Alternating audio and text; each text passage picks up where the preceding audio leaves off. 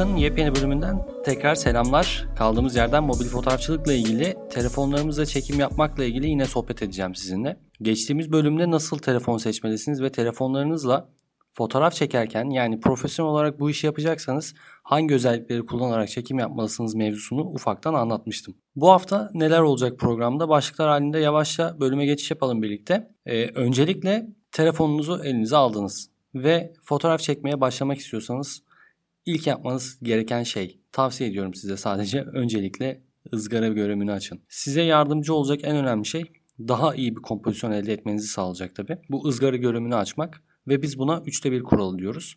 3'te 1 kuralını normal fotoğraf bölümleri için de anlatmıştım. Burada ana fikir nesneleri o çizgilere yerleştirmek. Fotoğrafın en önemli kısımlarını kesişen çizgilerden birine yerleştirirsiniz veya fotoğrafınızın en ilginç kısmı gökyüzü mü diyelim. Ufuk çizgisini alt 3'te 1'e koyabilirsiniz. Her zaman olduğu gibi kuralları çiğnemek istediğimiz durumlar da tabii ki olacak. Bir örnek verirsem buna Mesela yansımaları fotoğrafladığınız ve cep telefonlarında bunu yapmayı çok sevdiğimiz de aşikar. %50'ye %50 bir çekim elde etmek için ufku merkezden çıkartıyoruz ve bu durumda 3'te 1 kuralını hiçe saymış oluyoruz.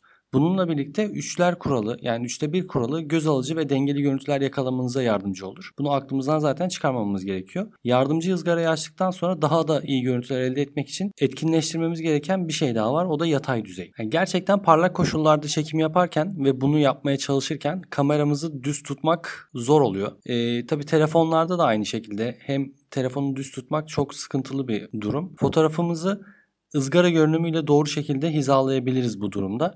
Yatay düzey aracı görüntünün düz olup olmadığını size göstermek için rengini sarı ve yeşil arasında değiştirir. Telefonunuzu yeşile dönene kadar biraz ileri geri eğerseniz düz çekimler yapmaya başlarsınız. Yani sırf düz çekim yapmadığınız için bile eleştiri alabilirsiniz bu durumda. Ne kadar saçma olsa da yine de bu önemli bir durum. Yani eleştirilmemek için telefonunuzu düz tutmaya gayret gösterin. E, renk stilleri arasında seçim yapmak da telefonla çekim yaparken ikinci bir önemli konu oluyor. Bazı akıllı telefonlar telefonlarınızdaki standart, canlı veya pürüzsüz renkler arasında seçim yapmanızı olanak tanıyor. E, bu birçok yönden DSLR fotoğraf makinelerindeki resim stilleri olarak bildiğimiz şeye benziyor. Yani manzara, portre, standart ve nötr gibi seçeneklerle çekim yapabiliyoruz DSLR makinelerde ve aynasız makinelerde tabii ki. Burada doğru veya yanlış bir seçim yok ve seçmek önemli aslında bunları seçmek. Burada da en önemli şeylerden bir tanesi sana en çok yakışan neyse onu seçmekte özgürsün. Yani e, fotoğraf stilin, çektiğin kare ne istiyorsan ona uygun bir seçim yapmak sizin elinizde tabii ki. Ancak resimlerinizi düzenlemeyi düşünüyorsanız bunu standart olana bırakmak ve post prodüksiyonda bireysel renk değişiklikleri üzerinde çalışmak çok daha iyi. Post prodüksiyon dediğimiz şey de bu arada hani sonradan editleme durumu. Eğer herhangi bir renk katmazsanız daha sonra bunları editlemek istediğinizde istediğiniz renk ayarlarını kendiniz verebilirsiniz. Bir de çoğumuzun karşılaştığı şeydir. Bunu da bir profesyonel ipucu olarak vereyim size. Lensi temizleyin. Telefonunuzun lensini temizleyin. Akıllı telefonunuz zamanınızın çoğunu cebinizde veya ellerinizde geçiriyor. Bunlar temiz yerler değil ve lens ekranın her tarafında çok fazla kirli yağ ve parmak izi kalmasına sebep olacak bir yapıya sahip. O yüzden lensi temizlemek iyi fotoğraf çekmeniz açısından çok önemli. Yani fotoğraf çekmeye başlamadan önce bu lens alanını mikrofiber bir bezle temizleyebilirsiniz. Bunu yaparken merceği de çizmemeye dikkat edin tabi. Lensi kirden ve parmak uçlarından temizlememek fotoğraflarınızı bulanıklaştırır ve bazı durumlarda daha düşük kontrast ve istenmeyen parlamalar elde etmenize sebep olur. Kuralların daha iyi fotoğraflar elde etmenize yardımcı olmak için yapıldığını ancak bazen bunların çiğnenmesi gerektiğini de unutmayın. Akıllı telefonun çekim modlarını da anlamamız gerekiyor aynı zamanda. Akıllı telefon fotoğrafçılığıyla normal fotoğrafçılık arasındaki farklardan biri de aralarından seçim yapabileceğiniz farklı çekim modlarıdır. Ama hangisini seçmelisiniz?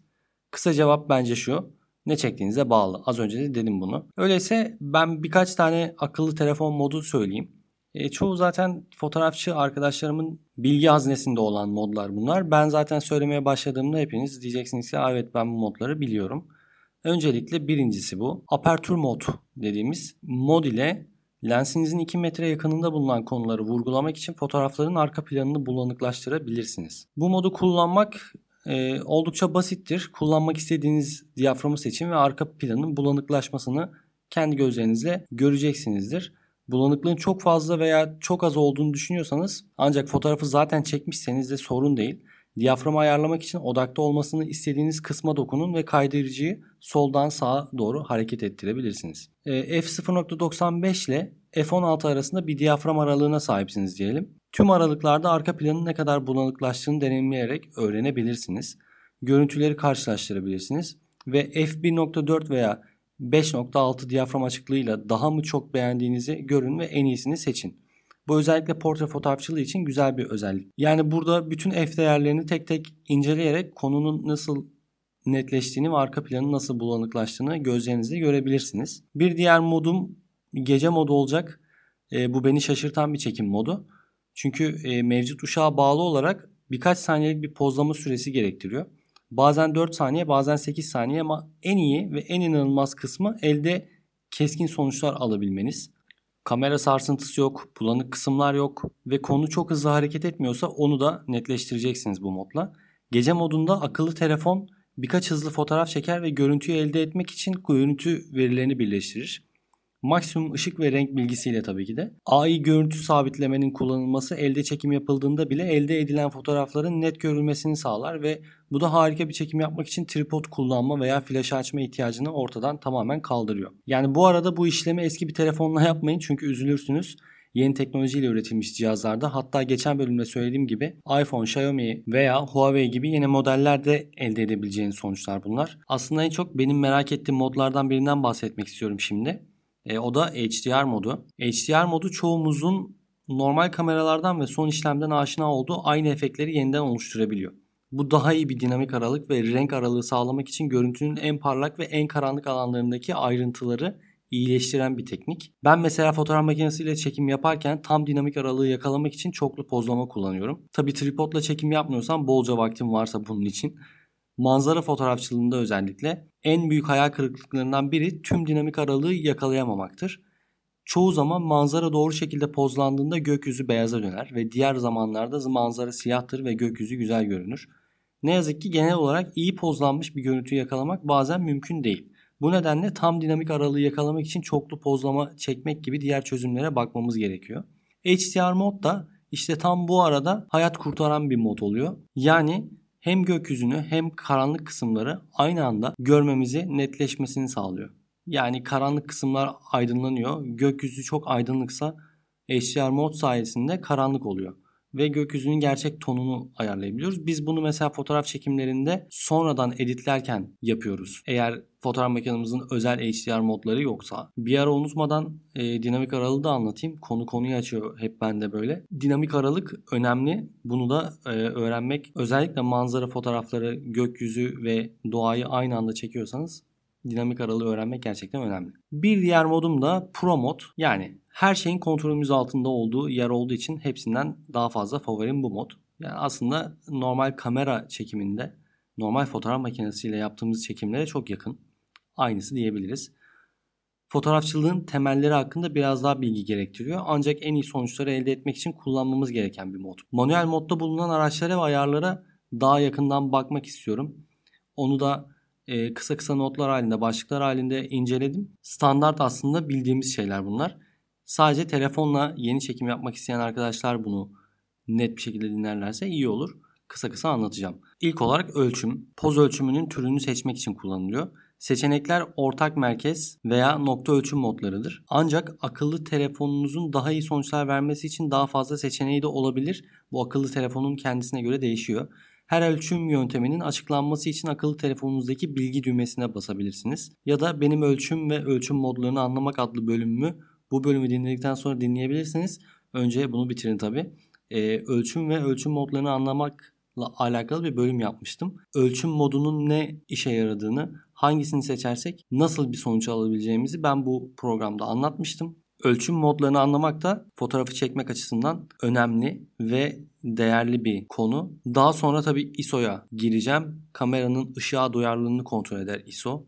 Bunu da hep anlattığım bölümler aslında bunlar ama yine de telefonda yapacağımız için bunu bilmek de önemli. Daha yüksek bir ISO size daha kısa pozlama sağlar ama fotoğrafa daha fazla kumlanma ve grain katıyor. E, deklanşör S modumuz var. Shutter dediğimiz. Pozlama süresini ayarlar. Pozlama telafisi fotoğrafları daha parlak veya daha koyu yapmak için önerilen poz ayarını değiştirir. Bunlar temel fotoğrafçılık terimleri aslında. Tüm bu fotoğrafçılık terimlerini benim diğer bölümlerimden yine dinleyebilirsiniz. Çünkü hepsini tek tek anlattım. Aslında temelde profesyonel modda yani manuel modda çekim yaparsanız bunların hepsini daha açıklamalı bir şekilde anlattığım bölümlere gitmenizi tavsiye ederim. Burada çünkü çok yüzeysel bir şekilde üzerinden geçeceğim. Başlıklar halinde bilmeniz yeterli şu anda. Odak dediğimiz tercih edilen odaklama yöntemini ayarlamak için kullanılıyor. Tek çekim otomatik netleme AF-S dediğimiz sürekli otomatik netleme AF-C veya manuel netleme MF arasında seçim yapabilirsiniz. Beyaz dengesi önceden ayarlanmış bir beyaz dengesi ayarı, otomatik beyaz dengesi, bulutlu, tungsten veya telefonunuzda bulunan diğer seçenekleri seçmenizi sağlar. Veya ışık kaynağına göre kendiniz de ayarlarınızı özelleştirebilirsiniz. Hem ışığın ısısını anlamak açısından hem de doğru rengi yakalamak açısından bu çok önemli. Bunlara dediğim gibi çok incelikli değinmiyorum çünkü hepsini incelediğim ve anlattığım bölümlerime yine ulaşabiliyorsunuz. Buradan hatırlatayım. Fark ettiyseniz de temel anlamda ister telefonda olsun ister fotoğraf makinesinde fotoğraf çekmek hep aynı sonuca dayanıyor. Yani fotoğraf çekim temellerini biliyorsanız bunu telefonda ya da makinede yapmak çok fazla zor olmayacaktır sizin için. Önemli olan burada neyin gerçekten ne işe yaradığını anlamak ve onları devamlı pratiğe dökebilmek. Her zaman dediğim gibi ne kadar çok pratik yaparsanız o kadar çok fotoğraf çekim tekniklerini, fotoğrafın temellerini ve fotoğraf çekmek için o anlattığım ISO ölçüm modu, shutter, diyafram gibi özellikleri anlarsanız o kadar iyi bir şekilde fotoğraf çekmeyi geliştirebilirsiniz. O zaman telefonla ya da makineyle nasıl çekim yapıyorsanız yapın, devamlı pratik yapın. Bunu hiçbir zaman unutmayın. Bu haftalık bu kadar diyorum. Hemen her telefonda yer alan özelliklerden bahsettim. Umarım bölüm hoşunuza gitmiştir. Beğendiyseniz beni UG ve Sipsakbot Instagram adreslerimden takip etmeyi unutmayın. sipsakbot.gmail.com adresine de maillerinizi bekliyorum. Işığınız bol olsun. Bay bay.